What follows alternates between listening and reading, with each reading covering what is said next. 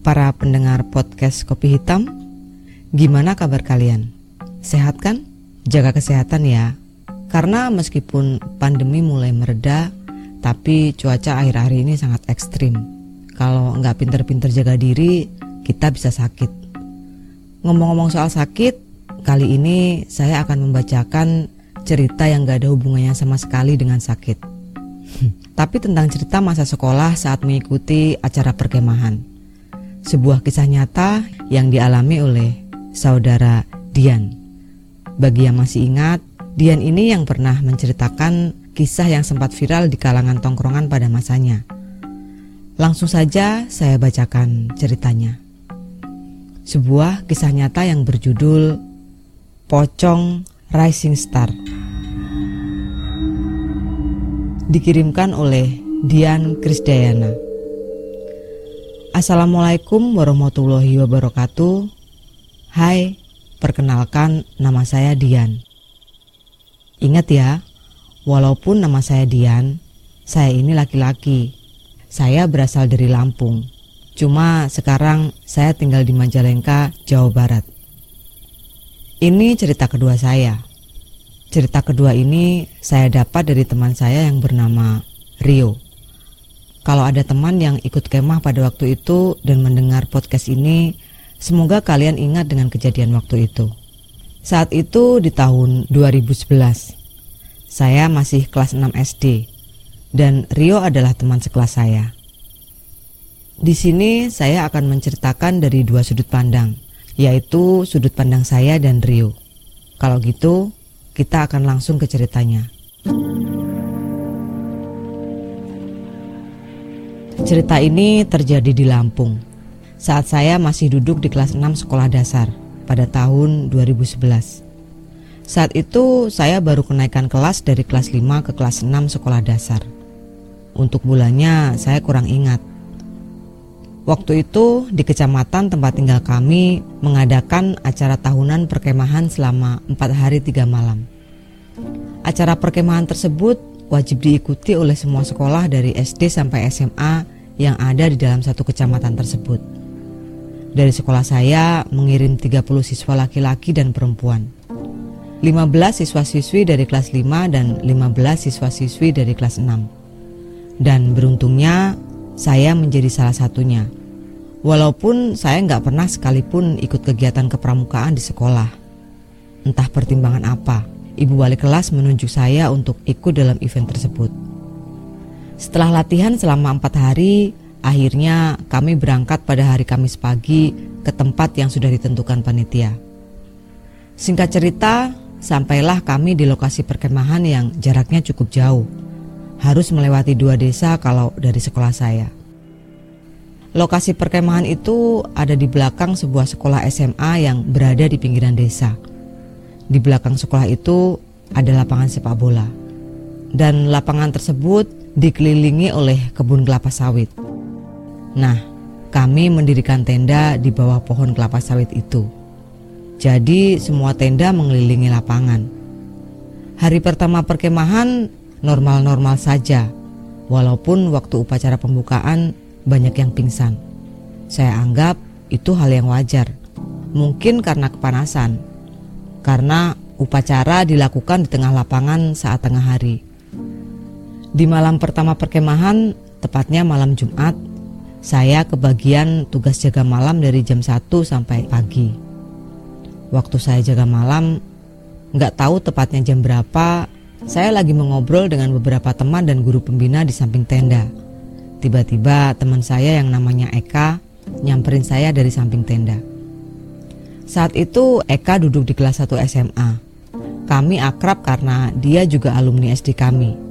Dia juga sering main ke tenda dan membantu kami. Kamu disuruh ke tenda perempuan, kata Eka. Disuruh ngapain? Jawab saya. Udah, ke sana aja, kata Eka lagi. Lalu kami berjalan menuju tenda perempuan yang lumayan jauh jaraknya dari tenda laki-laki. Sampai di tenda perempuan, Ternyata saya disuruh mengambil air ke rumah warga oleh ibu wali kelas. Berbekal ember, saya mengajak Eka mengambil air ke rumah warga yang berada di seberang jalan. Dari pinggir jalan, Eka menunjuk ke arah sebuah rumah di depan kebun karet. Terus Eka bilang, "Tuh, di situ ada sumur. Tadi sore aku udah minta izin. Aku mau ke tenda yang lain dulu ya," kata Eka. Akhirnya Eka ninggalin saya dan saya mengambil air sendirian. Malam itu saya harus bolak-balik beberapa kali mengambil air karena tenda perempuan butuh air yang banyak untuk memasak. Sekarang cerita dari Rio. Waktu itu masih jam 3 pagi. Anak-anak di tenda laki-laki udah bangun semua. Sepagi itu mereka berniat mandi di masjid. Karena kalau kesiangan bakal rebutan sama peserta perkemahan yang lain. Akhirnya mereka semua yang berjumlah 14 orang berjalan ke masjid. Tapi mereka lewat jalan yang berbeda, bukan lewat jalan biasanya, melainkan menembus perkebunan kelapa sawit. Tujuannya supaya lebih dekat dan lebih cepat.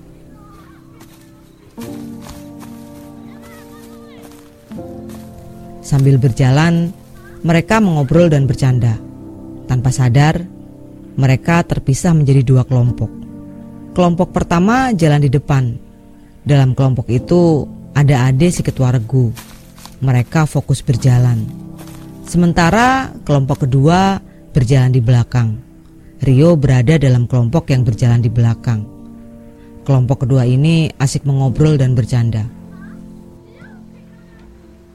Karena keasikan mengobrol, tanpa sadar kelompok ini tertinggal jauh oleh kelompok yang pertama. Singkat cerita, akhirnya mereka melewati perkebunan kelapa sawit. Untuk mencapai perumahan warga, mereka harus melewati jalan menanjak, lalu jembatan, barulah perkampungan.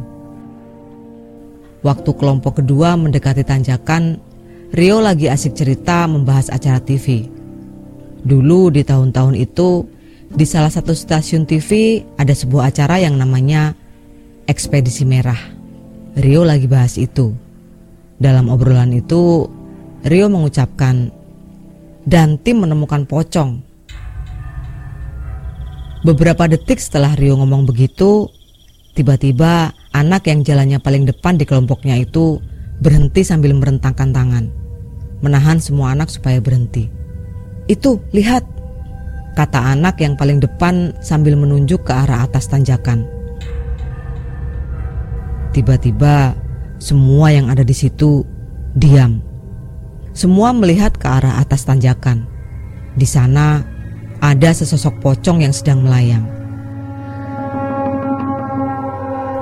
Sialnya, pocong tersebut menghadap ke arah mereka. Jadi, posisi mereka saling berhadapan antara anak-anak kelompok kedua dan si pocong tersebut. Mereka semua diam, gak ada yang bisa bergerak. Setelah sekitar satu menit, akhirnya pocong itu hilang, dan hilangnya itu secepat kedipan mata. Setelah pocong itu menghilang, kelompok kedua ini putar balik. Lari terbirit-birit ke arah perkemahan sambil berteriak-teriak histeris.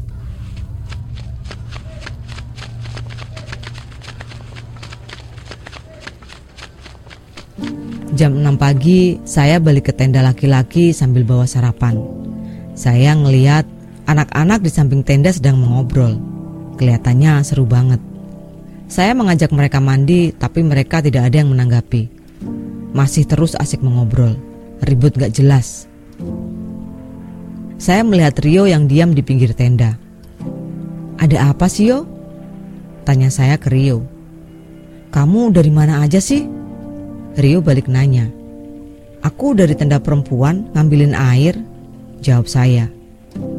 Kemudian Rio menceritakan kejadian yang dia alami bersama anak-anak tadi.